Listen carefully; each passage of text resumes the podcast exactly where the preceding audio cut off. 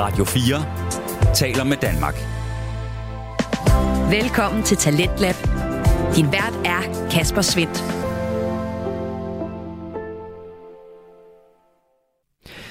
Hjertelig velkommen til øh, aftenens program, som byder på en lidt hård omgang. Først så skal vi igennem musik, der behandler stærke emner og rocker løs i podcasten Fuld Plade. Og derefter så står den på en sårbar, ærlig og vigtig snak omkring et øh, tabubelagt emne, når Martin Ingvarsen taler med sin gæst Anna om overgreb i familien. Den står altså på nogle øh, lidt seriøse emner her til aften, så lad os endelig komme i gang med den alvorlige menu. Du lytter til Radio 4. Og heldigvis så startede vi altså lige aften med at øh, rokke løs og få spredt lidt nogle øh, følelser ud i det åbne, og det gør vi med podcasten Fuld Plade, som består af Markus Rasmussen og Daniel Hauptmann. De dykker ned i deres store passion for musik, og øh, via underholdning, informering og måske også endda inspiration, så deler de altså ud af deres yndlingsmusikalbum. Det er både for at give dig nye musikoplevelser, og selvfølgelig også for at få en undskyldning for, at øh, det nørder løs i deres egen store passion. Der er fokus på de to værters individuelle top 5 her i de sidste 10 afsnit, og det første af de 10 skal vi tilbage til her i aften. For i går der fik du hørt Markus præsentere bandet Deftones og et øh, særligt fokus på albummet Saturday Night Wrist fra 2006. I aften der står den på andre gode indgangsvinkler til Deftones, og vi begynder selvfølgelig, hvor vi slap episoden i går, nemlig med Markus egen begyndelse. Jeg tror, nu har vi haft noget musik, så jeg vil måske gerne bare starte med sangen, der tændte mig på, på bandet. Som er okay. fra deres andet album, uh, Around the Fur, som kom ud i 95, 97, noget der omkring. Noget der omkring. Men det er Be Quiet and Drive, og det er simpelthen sangen, der tændte mig på dem som band.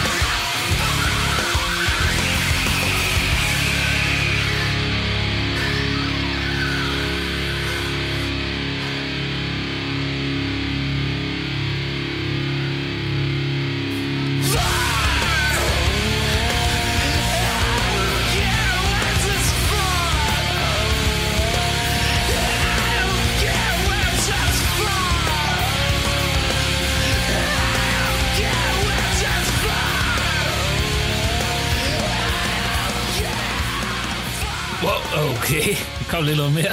Og imens sangen øh, toner ud, så toner vi ind. Øh, Ah. Det her, det er Be Quiet and Drive, øh, den anden single fra bandets anden album, Around the Fur. Mm. Øh, og det, den her sang, den fortsætter ikke et minut endnu, med, med at han bare skriger det her, øh, far away, I don't care where, just far away. Oh, okay, det er det, han I siger. don't care where, just far away. Han er meget svær Ja. at forstå tit. Ja, præcis, men det er også den her, altså Chinos vokal og hans scream specifikt mm. er også så vanvittigt. Altså, det er virkelig en ting, jeg sådan tit går tilbage til, og sådan, jeg kan sjældent nævne folk, der kan lave sådan et, et vocal fry, Ja. som han kan, som man kalder det rent teknisk. Ikke? Vocal fry. Ja, fedt udtryk. Altså, hvor du bare friterer dine vokaler, ikke? Så Ja, ja, det meget dårligt for stemmebåndene, hvis du ikke Ja, gør jeg det skulle ordentligt. også til at sige, det må være virkelig hårdt for ham. Mm. Ja, Men det her, det er også, altså vi er tilbage i, nu skal jeg lige kigge på albumet. 97, vil jeg se. Ja. Øh, kommentar til hans øh, stemme der, det er også sådan, jeg tror, at hans stemme, det er meget sådan, enten så kan man lide det, eller også så kan man ikke lide det. Der er ikke, Helt noget, klart. der er ikke noget imellem. Og det er også en af de ting, jeg har svært ved Deftones. Det er nemlig også en stemme, jeg har svært ved. Ja, Fordi jeg synes, enten når han skriger, det kan jeg godt forstå, man godt kan lide. Sådan, det kan jeg mm. godt nogle gange synes, synes er meget fedt. Men så når mm. han bare synger, så er det, sådan, det er den samme grund til, at jeg ikke lytter til Mew længere. Jeg synes også, at Jonas' øh, fra Mews stemme Ah. blev for irriterende. Ja, men det er også det. Det er en af de der ting, hvor at, du ved, de der, det er der nemlig også, altså de her clash af inspirationer, de her new wave elementer, der har fyldt rigtig meget i Chinos øh, spæde år og mm. hans vokal. Altså det er jo også, når de her elementer kommer frem i det, ikke? og de der meget bløde del af det, og det er også specielt det der, som jeg sagde til at starte med, med det ufatteligt følsomme, eller det Ja, ja. uhelbredeligt følsomme, og det brutalt voldsomme møder hinanden. Ikke? Mm. Det er jo også det her, der er det der hans stemme Ja, det er helt meget klart. af et ikon på på mange måder, ikke? Og det må man sige, der rammer den rigtig godt. Ja, men jeg kan huske, jeg kan huske meget tydeligt, hvornår, jeg tror det var 9 eller 8, at øh, jeg så sådan en liste med sådan bedste Deftones sang, og det her, det var toppen. Øh, Det var og number er også, one. Det, for mig vil jeg nok stadig sige sådan, det er også sangen, der virkelig fik mig ind. Jeg læste den, og så Ja. var jeg sådan, okay, der er et eller andet der, og det er de der shoegaze-elementer, der bliver mixet med det her rigtig hårde punk, hardcore metal, mm. øh, og måden de ligesom deler, ikke? Nu føler jeg også, jeg, jeg har ikke lyttet så meget til Deftones, jo, men jeg har jo lyttet lidt til det øh, til, til i dag. Jeg føler også, at, at jeg, jeg kan ikke huske den her sang. Jeg har lyttet til den, fordi jeg har hørt Around the Fur albumet. Mm. Og det er jo også det er jo en meget rammende Deftones sang. Eller sådan, den er jo sådan, det er jo den er meget sigende for, hvad det er for noget musik. Den Ja. har sådan lidt det Jeg hele. vil sige, specielt også med det her album, så ja, hvis det ikke er den her, så vil den anden single, uh, My Own Supper,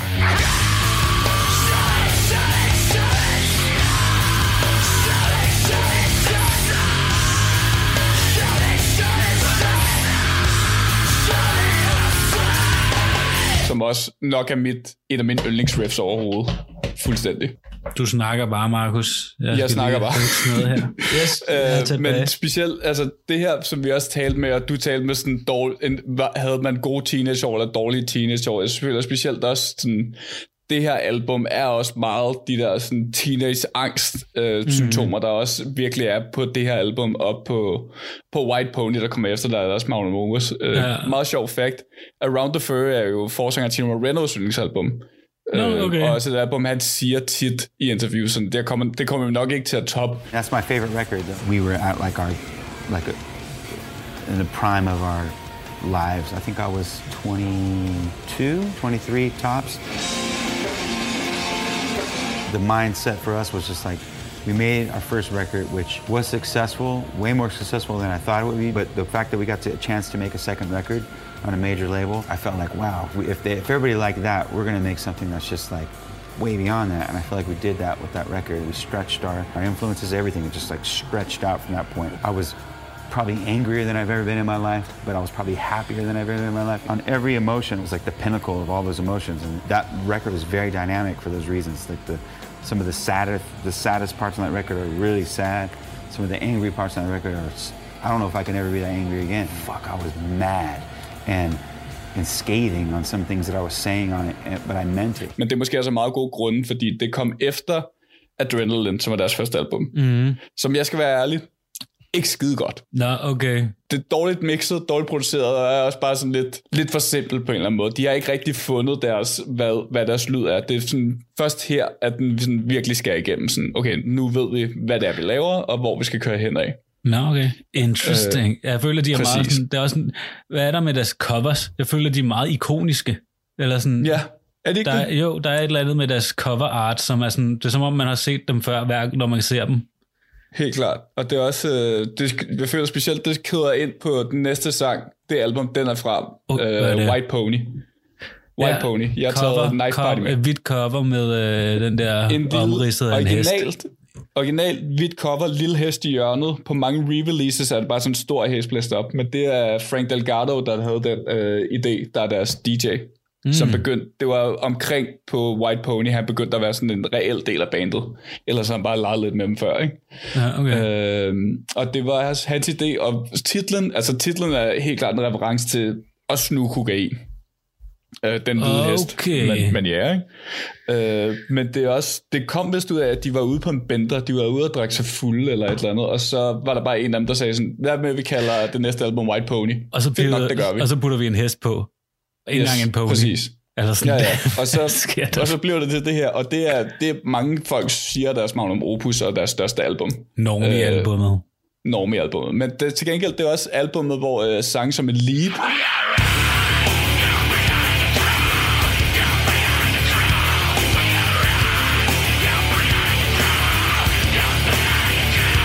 der sådan er en af de mest hæftige sange, der er på det her album, ud over Korea. Det, det vinder en Grammy, og mm. det, den her album har også øh, øh, fanfavoritter som Change in the House of Flies, som har været med i altså flere film og flere, hvad hedder det, serier. Ja. Øh, men Knife Party er en, der stikker mig ud for sådan, måske også være den mest triste sang, men også en sang, der handler om, øh, igen, snif kokain. De var rigtig coked op på den der periode. Også i den her periode. Specielt Tino. Det er meget sådan... Fra det her album til albumet efter, der tror jeg, at Tino Moreno tager 30 kilo på, eller sådan noget. Altså, det er Nå, helt sindssygt, okay. hvor, hvor stor han bliver fra, hvor lille han er på det her album. Men øh, jeg vil gerne spille Knife. Party nu.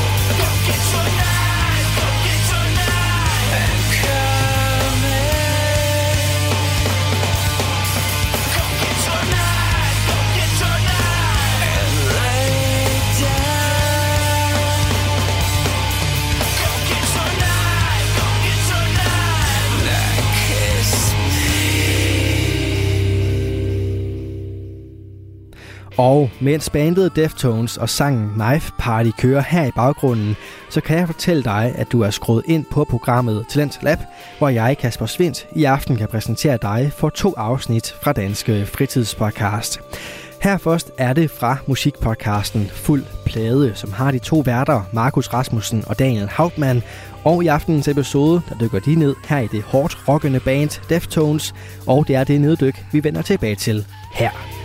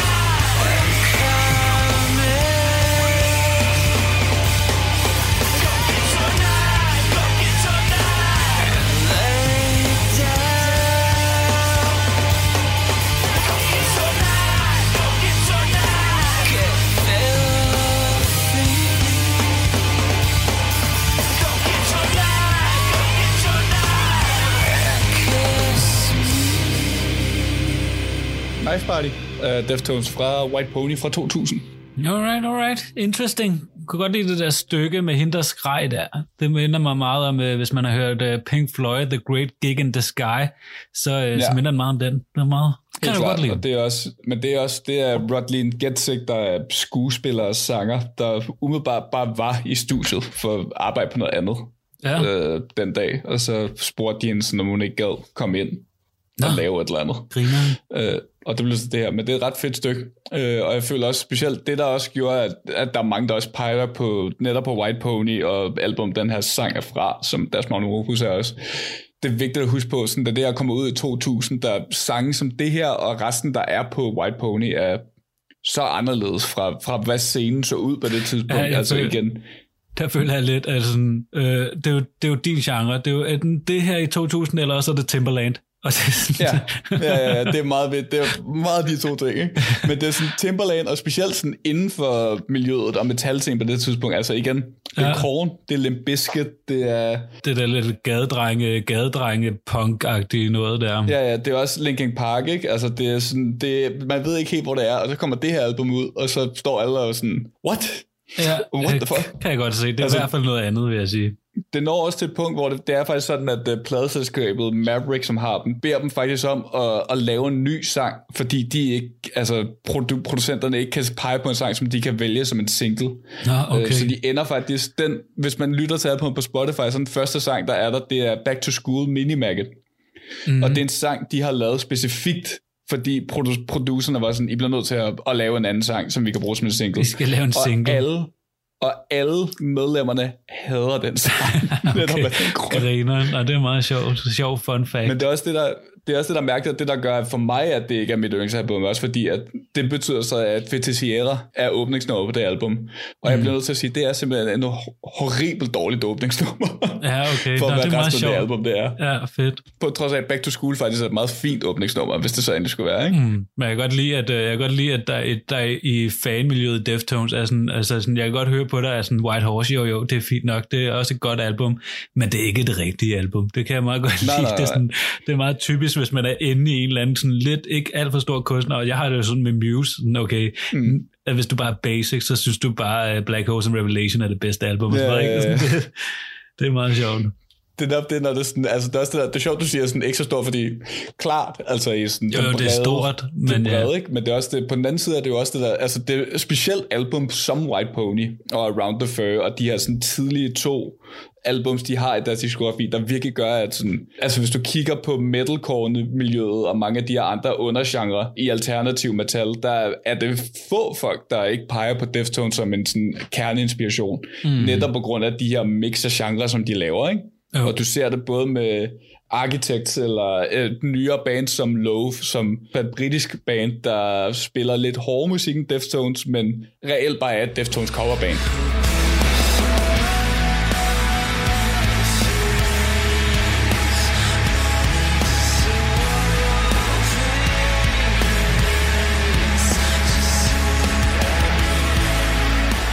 Det, det, det, det er musik, Ja, okay. de laver. Ja, mere eller mindre, ikke? Og jeg kan rigtig godt lide Lowe's, det er slet ikke det, men altså, men det er specielt også, altså det her album er virkelig også et, der sætter dem på kortet, og de vinder en Grammy for og sådan noget, og så, fordi at de simpelthen bliver så sure på hinanden, så kommer vi så til deres fjerde album, det selvtitlede, mm. øh, hvor Hexagram er på.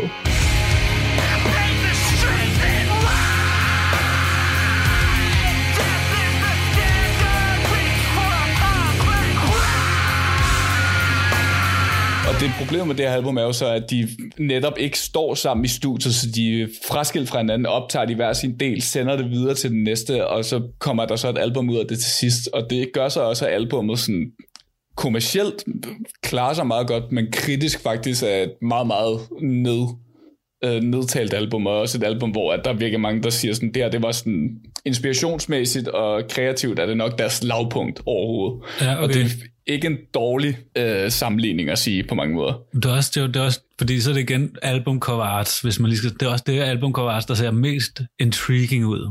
Kedeligt. Ja, ikke? Jo. Præcis. Det er lidt det. Og så starter vi så på den her næste periode, som, som jeg åbner med med Saturday Night Rest, hvor at, øh, de sådan begynder, og grunden til, at det også er en ny periode, er, at når vi taler de første tre albums her, Adrenaline, Around the Fur og White Pony, som vi lige har spillet en sang fra, der er det primært Steven Carpenter, der, sp- der laver et riff, skriver en sang, og så kommer de andre og putter ind på. Så mm-hmm. Steven og Abe laver noget, og så skriver Chino noget musik, og så laver Chi Cheng en, øh, en, øh, en basslinje hen over det. Øh, og anden, Det var bare anden lige, periode, det var bare lige Ja. hund i baggrunden. Øh, anden periode, Saturday Night Rest, øh, Diamond Eyes og Koine Yokan, er tit klassificeret med, at Chino Moreno begynder at skrive nogle riffs, og også begynder at sådan være op og toppes med Steven Carpenter om sådan, nej, vi laver det her, nej, vi laver det her, nej, vi laver det her. Så det er lidt mere sådan sammenkogt. Ja, præcis. Det, det, der kommer lidt mere, øh, det er mere Tino Moreno sang, der begynder at komme igennem. Ikke? Ja, okay. øh, men der er stadig rigtig heavy riffs i det. Øh, blandt andet fra albummet Diamond Eyes. Øh, nej, ja, ja, albummet Diamond Eyes er den sang, jeg har taget med nu, der hedder Rocket Skates, som er høj oktan, bare pumpende afsted, aggressivt, virkelig hårdt, men virkelig fed sang. Rocket Skates, okay, fedt navn. Fedt albumcover igen med ulen. I like it.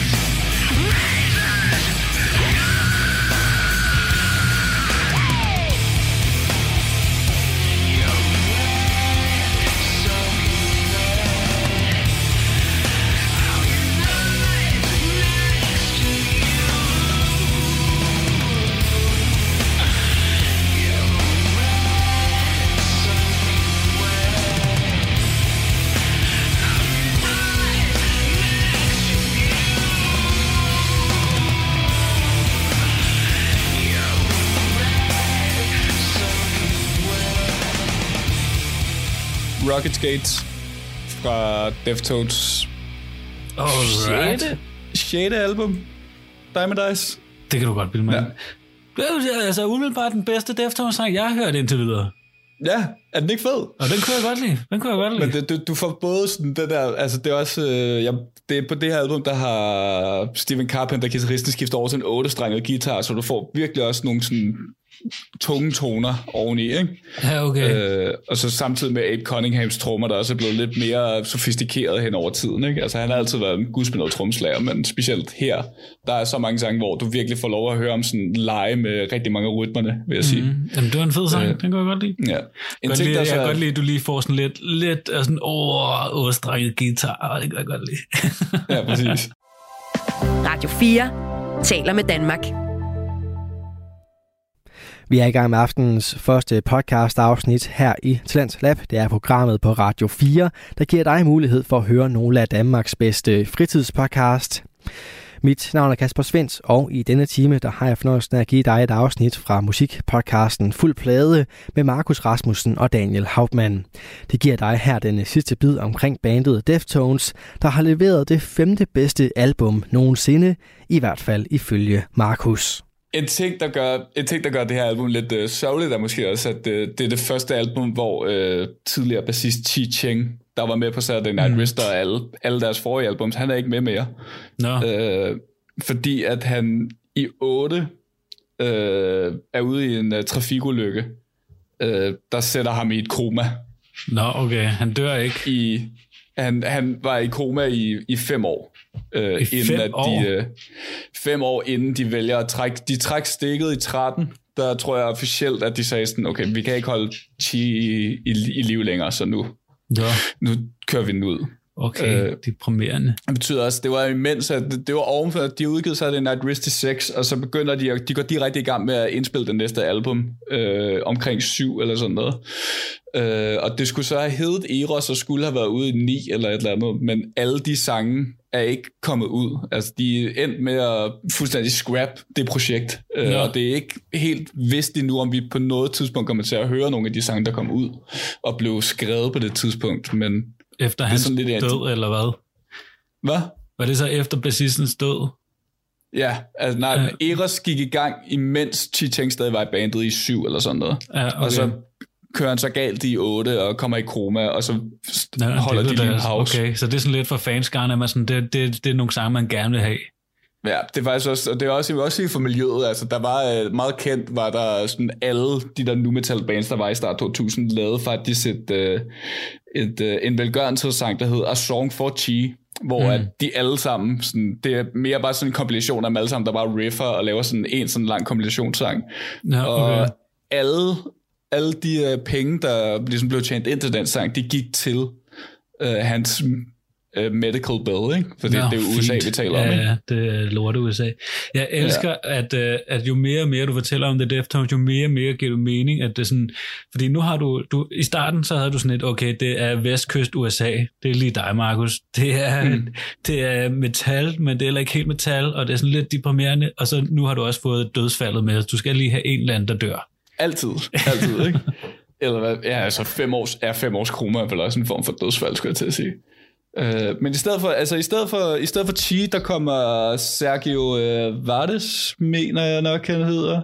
Ser- Sergio Vega. Sergio Vega. Uh, Sergio Vega er en ret kendt bassist, der har været med i uh, sådan nogle alternative uh, hardcore bands som Quicksand, som er et af de der bands, der kom op sammen med Fugazi, som jeg jo også har talt om. Så, Yes, yes, yes. Det glemmer. Ja, alle det er ikke, ikke, sammen er, ikke at forglemme Fugazi. Klar. Og så, så sådan, ba- bassen, der er på albummet, ændrer sig også rigtig meget herfra fremad, netop fordi at Sergio er en ret anderledes bassist. Alright, vil du sige positivt eller negativt?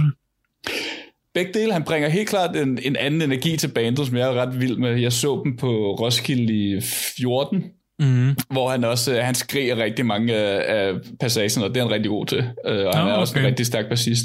Okay, Øh, specielt også, han, øh, Sergio spiller vist på en seksstrenget bas. Nå. Hvilket specielt på deres nye album fra, fra, fra 20, øh, der kan du virkelig høre igennem Kan det så, hvad. så bliver det, det gør. endnu dybere eller endnu lysere? Jeg mener faktisk, på en bas, så får du en tykkere, og så får du en tyndere. Okay. Men jeg er faktisk usikker på det. Øh, men det giver i hvert fald basslyd, man det giver et meget anderledes lydbillede, som er, som er ret fedt øh, for ham, må jeg sige. Mm. Øh, og det, det gør virkelig også noget for, for banddynamikken på mange måder. Øh, så jeg, jeg er bare glad for, at Deftones stadig kan lave musik, hvis jeg skal være helt ærlig. Ja, det synes jeg, altså ud fra hvad du fortæller, så virker det lidt som øh, lidt et mirakel, at de stadig laver musik. Helt Altså, klart, og kan det er det også. Specielt fordi der er sådan nogle ting som, at øh, igen det her med sådan nu mere, nu længere vi kommer op i årene, nu mere, nu mindre Stephen Carpenter ind over sangskrivningsdelen, og nu mindre hårde de egentlig bliver med årene. Det er faktisk sådan en meget reelt ting. Der, øhm, der kommer Stephen Carpenter mere om i baggrunden af lydbilledet, hvilket er lidt ærgerligt, for jeg kan virkelig godt lide måden, Stephen Carpenter spiller guitar på. Der er mm. nogle, en vis simplicitet i det, der samtidig også gør, at det ret teknisk er virkelig, virkelig dygtigt, fordi han ikke sådan overspiller sig selv. Det er meget, han gør det, han skal, mm-hmm. og så gør han heller ikke mere end det, og det er sådan en ret perfekt balance, han rammer, føler jeg ret tit. Nå, ja, okay. Øh, og så Nice. skriver han også bare nogle fede riffs. Øh, ja, de har nogle på, meget gode riffs. Ja, blandt andet på næste sang, Swerve City, Swerve City, Swerve, Swerve City. fra det sidste album fra æra her, Koino Yokan, øh, som er Ah, okay. fra 9, mener jeg. 12 kan jeg se lige her. 12. Det er fra 12. Det, der går lang tid mellem albumsene, men den kommer her.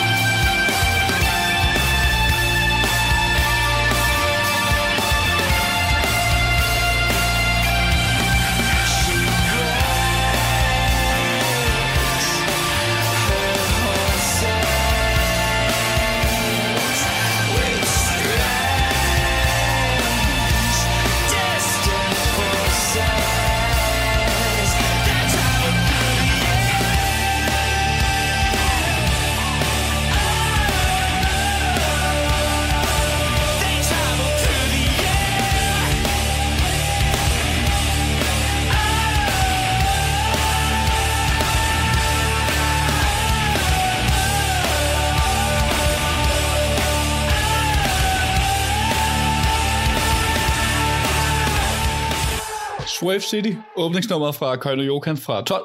Alright, alright, alright. Et mere moderne take på, på Deftones lyd. Ja, jeg skulle til at sige noget af det, jeg lægger mærke til, det er, sådan, det er meget mere, øh, det er meget mere klart.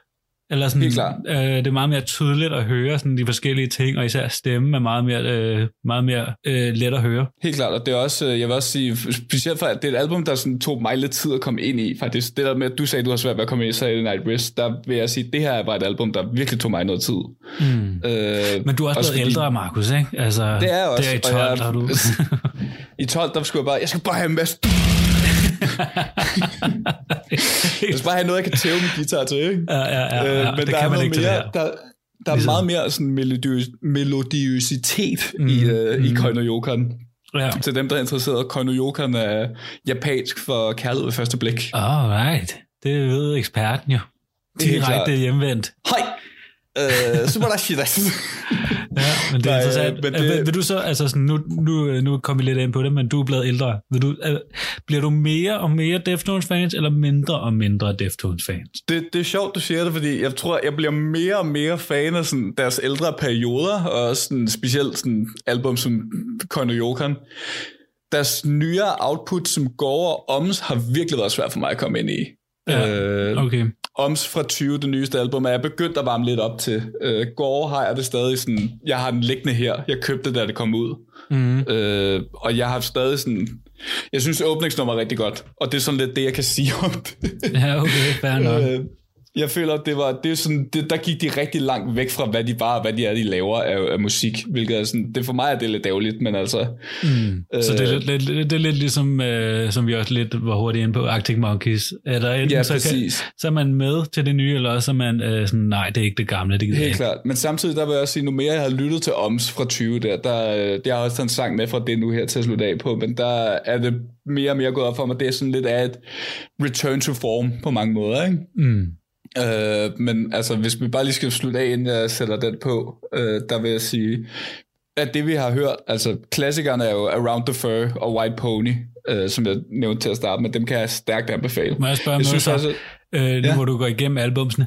Øhm, hvis vi havde lov til at have flere albums af samme kunstner med på en top 42, vil du så. Okay. have flere af dem her med? spændende, spændende spørgsmål. Øh, ja, det vil jeg nok. Hvilket? Jeg vil nok have haft Around the Fur med, okay, hvis jeg skal være helt cool, ærlig. cool, cool. Jeg kunne også, nu mere, det igen, nu mere jeg lytter til Konoyokan, sådan, med, nu hver, hvert år jeg lige lytter det igennem igen, der, bliver det, der kommer det højere og højere op, kan jeg godt mærke. Altså sange som Poltergeist er sådan helt hæsblæsende hård, mm. jeg er vild med den. Og Goon Squad og Entomb er også sådan virkelig smukt skrevet på samtidig. Ja. Øh, det er jeg virkelig, virkelig fan af. Øh, men nu skal vi på et album, som nok ikke havde kommet med. Ja. Ohms, det nye. Øh, og her er en sang, der hedder Spell of Mathematics, som jeg bare synes, er, det er nok en af de, øh, de fedeste sange, der er på albumet, hvis du spørger mig.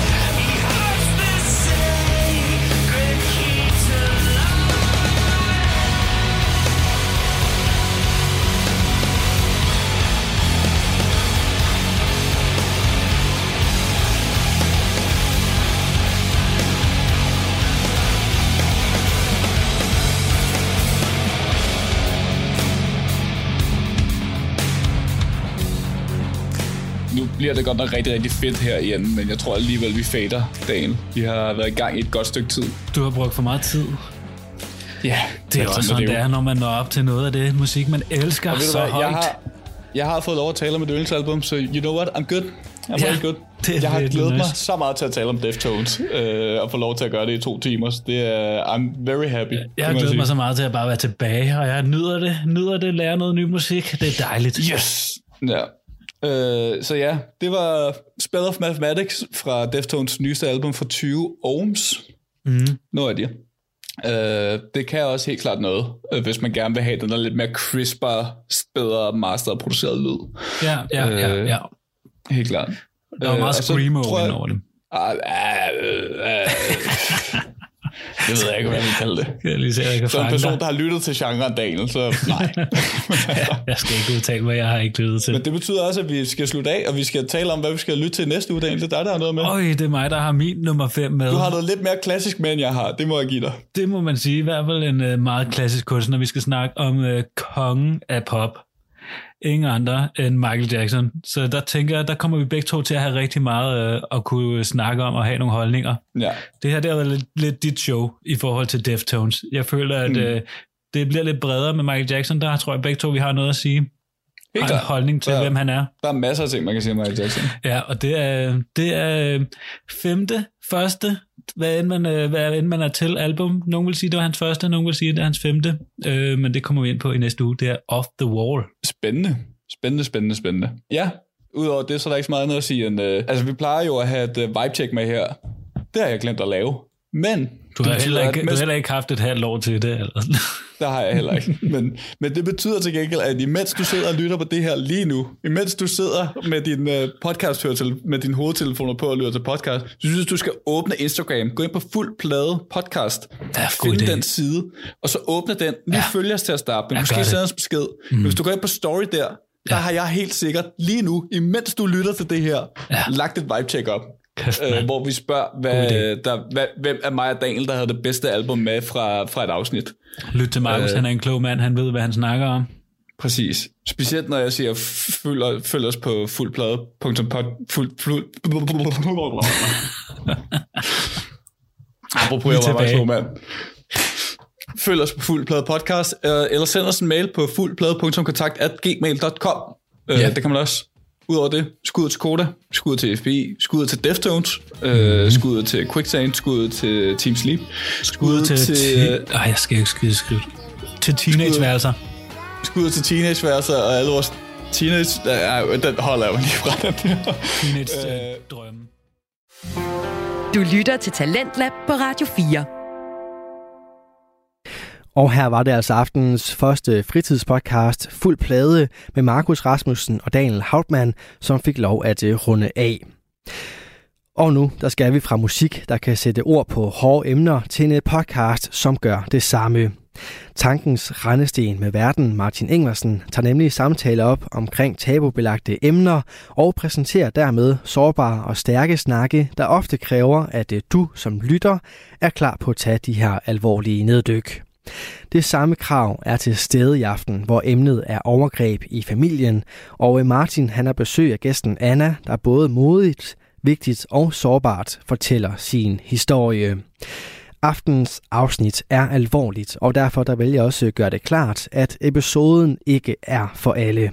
Selvom alle på et eller andet punkt bør forholde sig til afsnittets emne, og derfor der har vi altså også valgt at øh, have det med her i programmet. Og med det sagt, så får du altså her den øh, første bid af aftenens episode fra Tankens Randesten.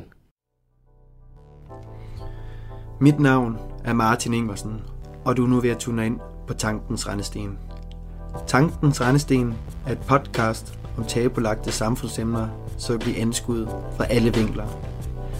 Her i programmet handler det ikke om, hvordan mennesket, men snarere, hvorfor mennesket. Her snakker vi nemlig ikke om data, grafer eller tung videnskab, men derimod med autentiske personers erfaringer og livsytringer. Og ved hjælp af åben dialog vil vi prøve at nærme os tættere på sandheder, bryde normativer om, hvad end mellem himmel og jord.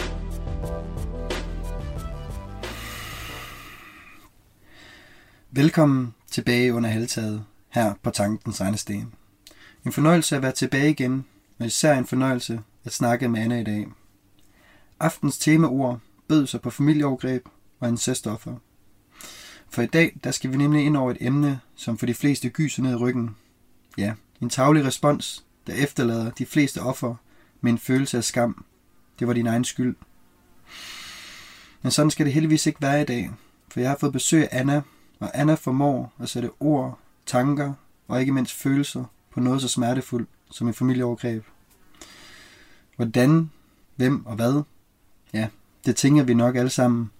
Så lyt med under halvtaget, når Anna fortæller ud af hendes historier og udfordringer her i livet, og hvordan man står stærkt igen.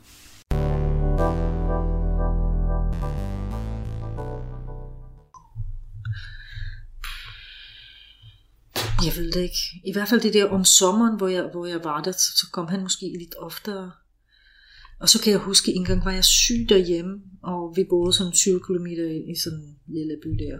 Og så kom han ligesom forbi, Ja, og jeg lå i seng, og så skulle han også pille Okay. det.